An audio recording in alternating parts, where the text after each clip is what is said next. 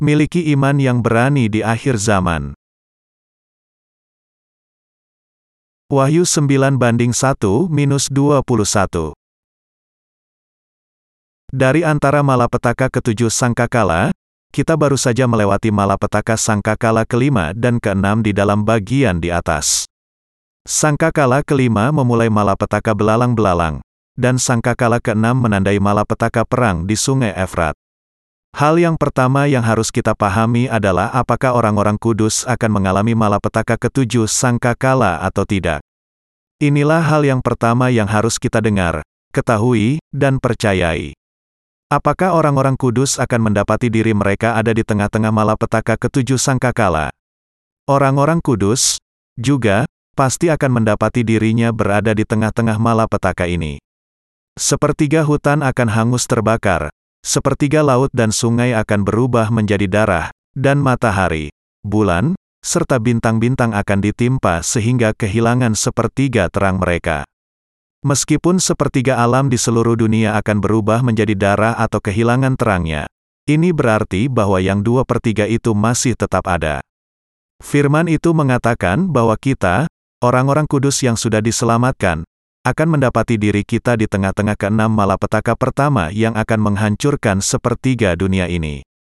Namun, kita tidak perlu takut kepada malapetaka itu, karena ketika Yahweh memerintahkan belalang-belalang untuk menyakiti, hanya manusia yang tidak memakai meterai Yahweh di dahinya, di dalam malapetaka yang kelima, ia akan melindungi orang-orang kudus yang dimeteraikannya di tengah-tengah malapetaka ketujuh sangkakala itu. Tetapi tetap saja ini berarti bahwa orang-orang kudus akan mengalami semua malapetaka itu. Anda dan saya, sebagai orang-orang yang sudah ditebuskan karena percaya kepada Injil air dan roh, akan mendapati diri kita di tengah-tengah malapetaka pertama, yang akan menghanguskan sepertiga dunia ini dengan api yang diturunkan oleh Yahweh, atau juga malapetaka kedua, berubahnya sepertiga dari laut menjadi darah dengan jatuhnya sebuah gunung yang menyala, dan juga yang ketiga, di mana sepertiga sungai dan mata air menjadi absintus dengan jatuhnya bintang yang besar dari langit. Kita akan hidup melalui malapetaka yang keempat juga, yang membawa kegelapan karena diserangnya sepertiga matahari, bulan, dan bintang-bintang, kita akan mengalami malapetaka kelima juga, ketika belalang-belalang menyerang manusia dengan kekuatan yang seperti kala jengking, dan, ketika malapetaka keenam yang akan membawa peperangan di sungai Efrat, kita akan mendapati diri kita hidup di sepanjang malapetaka itu. Tidak ada yang bisa melakukan apa pun tentang hal itu, karena ini pemeliharaan Yahweh yang menunggu untuk dipahami. Bahwa kita akan hidup melalui keenam malapetaka yang mengerikan ini adalah kenyataan yang tertulis di dalam firman Yahweh. Tuhan kita sudah menebus Anda dari segala dosa Anda. Ia sudah menanggung segala dosa Anda melalui baptisannya, darahnya di kayu salib, dan kebangkitannya dari kematian. Kita menerima pendamaian kita dengan percaya kepada apa yang Yesus Kristus lakukan terhadap kita.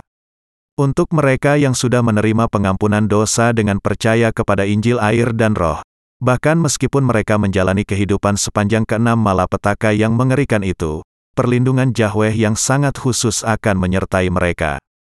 Firman itu menjelaskan, dengan kata lain, bahwa anugerah Yahweh yang khusus ini yang akan memungkinkan kita untuk terus hidup. Kita harus menyadari betapa layaknya Yahweh kita menerima semua ucapan syukur kita karena memberikan hak istimewa dan perlindungan khusus itu di tengah-tengah malapetaka itu untuk kita yang sudah diselamatkan. Ketika malaikat yang kelima membunyikan sangkakalanya, Yohanes melihat sebuah bintang yang jatuh dari langit ke atas bumi, yang kepadanya diberikan anak kunci lobang jurang maut. Bintang di sini menunjuk kepada malaikat, Makna rohani bintang-bintang Yahweh adalah hamba-hambanya dan orang-orang kudus. Ketika malaikat ini yang jatuh ke bumi menerima anak kunci lobang jurang maut dan membukanya dengan kunci itu, naiklah asap dari lobang itu seperti dari tanur besar. Lobang jurang maut menunjuk kepada tempat yang, secara literal berarti, lubang tanpa dasar atau akhir. Juga dikenal sebagai abis, ini adalah lobang dengan kedalaman yang tiada akhir. Ketika malaikat yang kelima membunyikan sangkakalanya, ia, sesudah menerima anak kunci kepada lubang jurang maut ini, membukanya dengan anak kunci itu. Dari lubang itu keluar asap yang sangat banyak, seperti dari api yang besar. Asap yang dari abis ini menutupi matahari dan langit, yang membuat seluruh dunia menjadi gelap. Bukan hanya asap itu yang keluar ketika lobang jurang maut dibuka, dari lobang itu juga muncul belalang-belalang. Belalang-belalang, yang berkeluaran ke dunia ini diberi kuasa seperti kala jengking di dunia ini, yang menyengat manusia dengan ekornya. Alkitab menjelaskan belalang-belalang itu memiliki muka mereka sama seperti muka manusia, bentuk mereka seperti kuda-kuda yang dipersiapkan untuk peperangan, gigi mereka sama seperti gigi singa, dan rambut mereka sama seperti rambut perempuan. Dengan menggunakan bentuk jamak, belalang-belalang, dan bukannya hanya satu belalang saja, Alkitab menjelaskan bahwa yang kita bicarakan memang bukan hanya satu ekor atau sedikit belalang, tetapi belalang dalam jumlah yang sangat besar, seperti wabah yang biasa terjadi di daerah tropis pada waktu-waktu tertentu, memakan semua tumbuhan yang ada di dekatnya sampai habis dan tidak menyisakan apa pun kecuali akarnya. Belalang-belalang itu akan berkeluaran dari lubang tanpa dasar dan menyiksa manusia selama lima bulan. Mereka yang akan diserang oleh malapetaka kelima dari malapetaka ketujuh cawan hanyalah mereka yang tidak dilahirkan kembali. Malapetaka belalang ini akan melalui mereka yang dilahirkan kembali. Tuhan kita tidak menurunkan malapetaka belalang-belalang itu kepada kita, karena ia tahu bahwa orang-orang yang dilahirkan kembali, kalau mereka disengat oleh belalang-belalang itu, akan membuang Injil keselamatan, karena menjadi bingung, apa artinya saya diselamatkan? Kita bisa yakin tentang hal ini dengan melihat ayat 4, dan kepada mereka dipesankan, supaya mereka jangan merusakkan rumput-rumput di bumi atau tumbuh-tumbuhan ataupun pohon-pohon, melainkan hanya manusia yang tidak memakai meterai Yahweh di dahinya. Kita tahu bahwa 144.000 orang Israel akan dimeteraikan dengan meterai Yahweh, tetapi Alkitab tidak menyebut mengenai bangsa-bangsa lain. Apakah ini berarti bahwa kita akan disiksa oleh belalang-belalang itu sama dengan orang-orang berdosa? Sama sekali tidak. Sebagaimana 144.000 orang Israel dimeteraikan, kita juga, yaitu, hati orang-orang yang sudah menerima pengampunan dosa dimeteraikan di hadapan Yahweh oleh Roh Kudus. Tidakkah Anda memiliki Roh Kudus di dalam hati Anda? Karena mereka yang hatinya didiami roh kudus sudah dimeteraikan sebagai anak-anak Yahweh. Kita, bersama dengan 144 ribu orang Israel, akan lepas dari malapetaka belalang-belalang sebagai umatnya. Karena malapetaka belalang-belalang akan menyakiti hanya orang-orang yang tidak dilahirkan kembali, manusia mungkin akan semakin membenci dan menganiaya kita. Selama lima bulan masa malapetaka itu, hanya orang-orang yang tidak dilahirkan kembali yang akan disengat oleh belalang-belalang itu, disiksa dengan rasa sakit yang sangat tetapi tidak bisa mati. Muka belalang-belalang itu seperti muka manusia, rambutnya seperti rambut perempuan, giginya seperti gigi singa, dan bentuknya seperti kuda yang dipersiapkan untuk berperang, dengan ekor seperti kala jengking. Belalang-belalang itu akan mengancam semua manusia yang ada di depannya dengan mukanya, menggigit mereka di mana saja dengan gigi mereka, dan menyengat mereka dengan ekor yang berbisa, yang mengakibatkan rasa sakit yang sangat luar biasa kepada korbannya. Satu sengatan saja bisa membawa rasa sakit yang luar biasa, mungkin seperti tersengat oleh listrik dengan voltase tinggi, yang akan masih terasa selama lima bulan. Dan manusia tidak akan bisa mati, biar bagaimanapun mereka disiksa oleh belalang-belalang itu atau bagaimanapun inginnya mereka mati daripada harus menanggung penderitaan itu. Karena malapetaka tidak bisa mati itu termasuk di dalam malapetaka belalang-belalang ini, tidak akan ada orang yang mati di bumi ini selama lima bulan. Malapetaka ini akan menyiksa dunia ini selama lima bulan. Kita belum pernah melihat sendiri malapetaka yang demikian, tetapi memang semuanya itu direncanakan oleh Yahweh. Yahweh mengatakan bahwa ia akan menurunkan malapetaka itu ke dunia, kepada manusia di dunia ini, yaitu, kepada mereka yang tidak percaya kepada Yahweh, dan kepada kasihnya serta keselamatan darinya, maupun kepada Injil penebusannya. Semua ini sudah dirancangkan oleh Yahweh. Karena Yahweh sudah merancangkan untuk melakukan semuanya ini, kita harus percaya bahwa Yahweh memang akan membuat semuanya itu akan terjadi. Yang bisa kita lakukan hanyalah percaya kepada Yahweh, karena tidak ada seorang pun yang bisa mendebat apa yang direncanakan dan dilakukan Yahweh. Bahkan di dalam situasi di mana manusia menderita karena belalang-belalang itu, Yahweh tidak akan mengizinkan belalang-belalang itu untuk menggigit ataupun menyengat kita dan melindungi kita dari malapetaka ini, karena ia akan melarang mereka menyakiti orang-orang yang memiliki meterai Yahweh di dahi mereka. Mengapa Yahweh memberikan malapetaka ketujuh sangkakala? Tujuan Yahweh dalam memberikan malapetaka ketujuh sangkakala adalah bagi orang-orang yang dilahirkan kembali, supaya menerima kemuliaan dari mereka, bagi mereka yang belum dilahirkan kembali, untuk memberikan kepada mereka kesempatan lagi untuk dilahirkan kembali, dan untuk semua manusia di dunia ini yang Yahweh ciptakan, untuk menunjukkan kepada mereka bahwa Tuhan adalah Yahweh, pencipta dunia ini, juru selamat, dan hakim atas semuanya. Pertama, dengan memberikan penderitaan kepada orang-orang berdosa melalui malapetaka itu dan mengizinkan orang-orang benar lepas dari semuanya. Yahweh membuat orang-orang benar memuji kebesaran, anugerah, berkat-berkat, dan kemuliaan Yahweh. Yang kedua, Yahweh membiarkan malapetaka itu untuk panennya yang terakhir.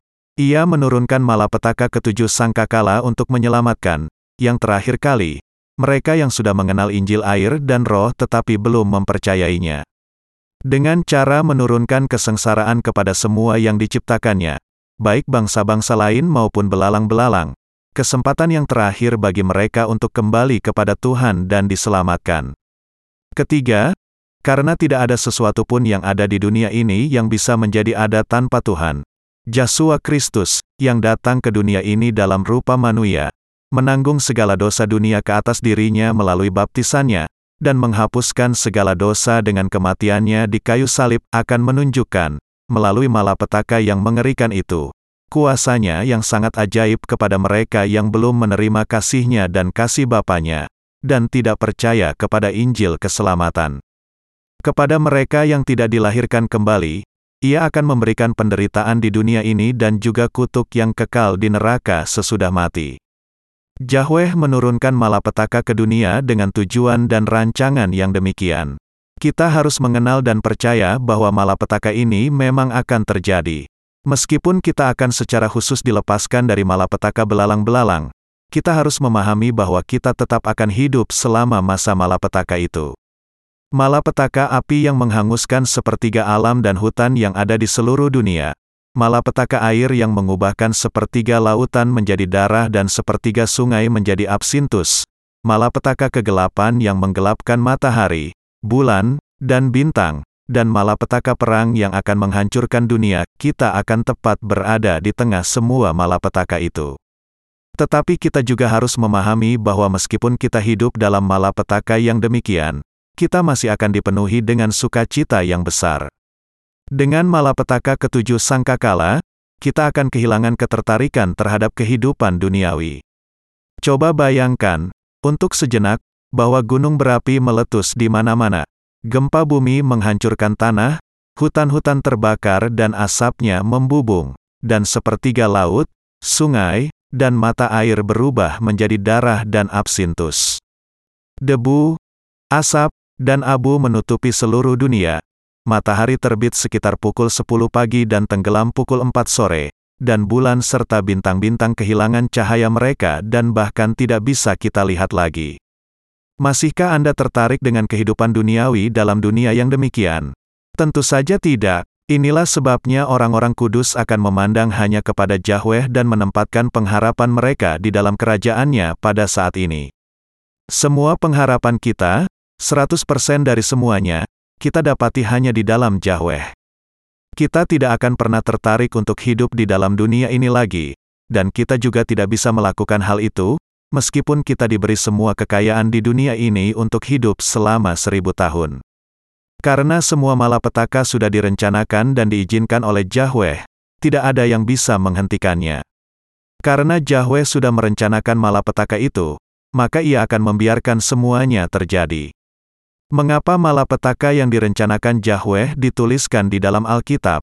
Mengapa Yahweh mengangkat Yohanes ke surga, membuat ia mendengar dan melihat semua malapetaka yang akan terjadi dengan ditandai bunyi tujuh sangkakala, dan membuat ia menuliskan semua yang didengar dan dilihat?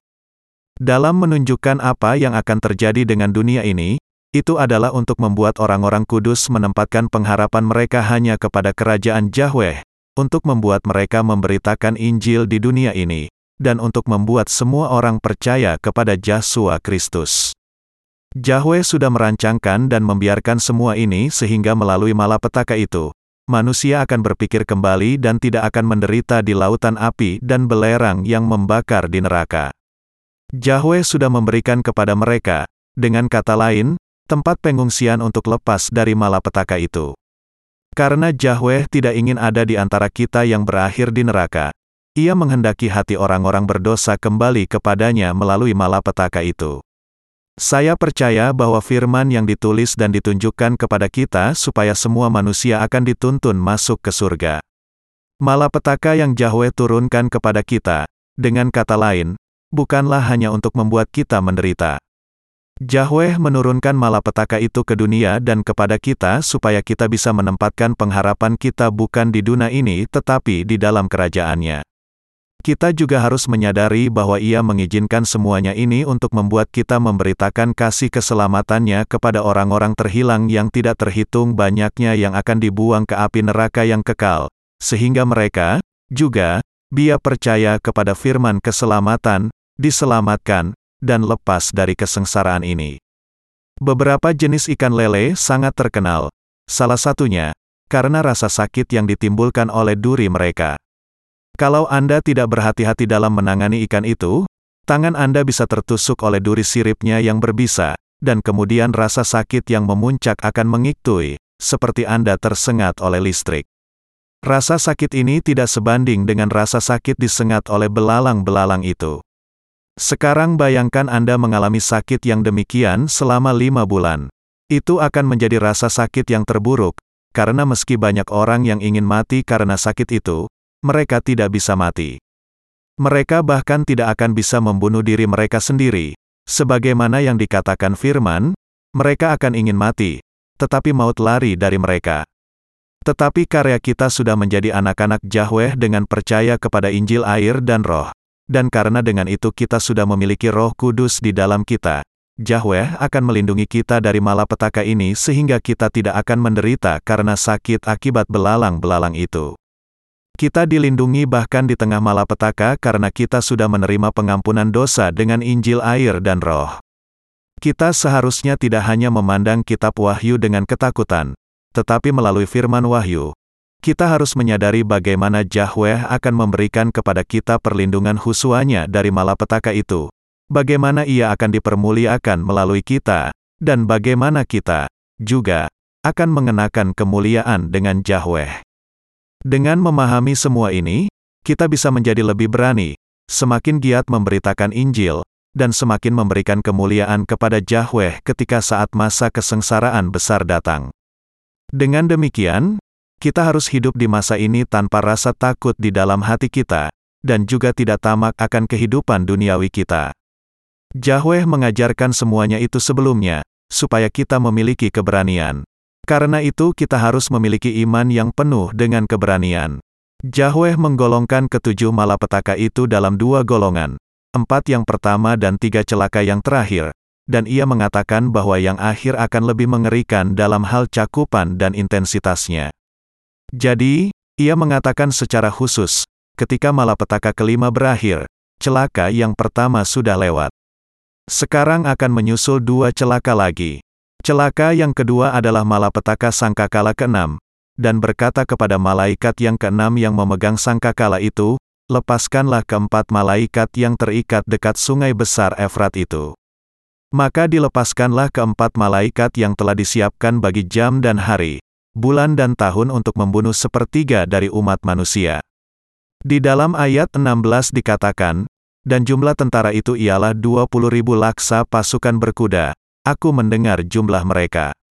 Ini menunjukkan bahwa peperangan besar akan segera terjadi, dan sepertiga umat manusia akan terbunuh karena peperangan ini. Yahweh akan menurunkan, dengan kata lain, malapetaka peperangan yang sangat mengerikan ke dunia ini. Ayat 17-18 mengatakan, Maka demikianlah aku melihat dalam penglihatan ini kuda-kuda dan orang-orang yang menungganginya, mereka memakai baju zirah, merah api dan biru dan kuning belerang warnanya, kepala kuda-kuda itu sama seperti kepala singa, dan dari mulutnya keluar api, dan asap dan belerang. Oleh ketiga malapetaka ini dibunuh sepertiga dari umat manusia, yaitu oleh api, dan asap dan belerang, yang keluar dari mulutnya. Yahweh akan mengizinkan orang dalam jumlah yang tidak terhitung untuk sungguh-sungguh dibunuh oleh pasukan berkuda yang sangat banyak itu. Inilah malapetaka yang akan datang dengan dibunyikannya sangkakala malaikat yang keenam. Apa yang terjadi ketika sangkakala ketujuh dibunyikan? Kebangkitan dan pengangkatan akan terjadi. Sampai sangkakala keenam, semua malapetaka yang terjadi akan diakibatkan baik oleh bencana alam maupun peperangan yang secara langsung akan membawa kematian kepada manusia. Karena semua itu termasuk di dalam malapetaka ketujuh sangkakala yang dituliskan di dalam Alkitab, saya percaya kepada firman ini. Tetapi bagaimana dengan Anda? Apakah Anda juga percaya kepada kebenaran ini? Sudahkah Anda menerima pengampunan dosa Anda dengan percaya kepada Injil air dan roh? Meskipun terlibat di dalam malapetaka itu, supaya Anda lepas dari penderitaan malapetaka kekal dan tidak masuk ke dalam neraka, Anda harus percaya kepada Injil air dan roh sekarang juga, yang Yahweh berikan kepada Anda untuk membuat segala dosa Anda dilenyapkan, untuk melepaskan Anda dari masa kesengsaraan besar, dan memberikan kepada Anda kerajaannya, langit baru dan bumi baru. Anda harus memiliki iman yang percaya kepada Injil ini. Anda harus mengenal dan percaya kepada Injil ini. Tidak ada jalan lain ke surga kecuali dengan iman kepada Injil air dan roh ini. Joshua mengayakan kepada Petrus, Aku akan memberikan kepadamu anak kunci kerajaan surga. Anak kunci kerajaan surga diberikan kepada kita ketika kita percaya kepada Yesus Kristus sebagai juru selamat kita, bahwa ia datang ke dunia ini, bahwa ia menanggung segala dosa manusia dan dunia ke atas dirinya dengan baptisan yang diterimanya dari Yohanes Pembaptis di Sungai Yordan, bahwa ia membawa segala dosa itu dan mati di kayu salib, dan bahwa ia bangkit kembali dari kematian. Kita bisa masuk surga dan terlindung dari malapetaka itu hanya kalau kita memiliki iman ini, iman yang percaya bahwa segala dosa kita sudah dihapuskan. Dengan dibunyikannya sangkakala, ketujuh akan datang pengangkatan, bersamaan dengan kemartiran yang dijelaskan di dalam kitab Wahyu 13. Ketika antikristus muncul, kita akan menghadapi kematian kita yang benar, menjadi martir karena Injil. Anda harus memahami betapa berharga dan pentingnya Injil yang Anda kenal dan percayai ini. Anda kemudian akan bisa menang di akhir zaman dengan keberanian dan berdiam di kerajaan seribu tahun dan langit baru dan bumi baru yang dijanjikan oleh Yahweh. Untuk memuji Tuhan sebagai salah satu sari 24 tua-tua yang berdiri di dekat Yesus Kristus, yang adalah Yahweh, tidak ada jalan lain kecuali dengan keberanian menang atas kesengsaraan dengan percaya kepada Injil air dan roh. Saya berharap dan berdoa agar Anda akan, sebagai orang-orang kudus yang dilahirkan kembali dengan percaya kepada Injil ini di dalam hati Anda, Semuanya mengalahkan akhir zaman dan mewarisi kerajaan seribu tahun Yahweh dan surganya yang kekal.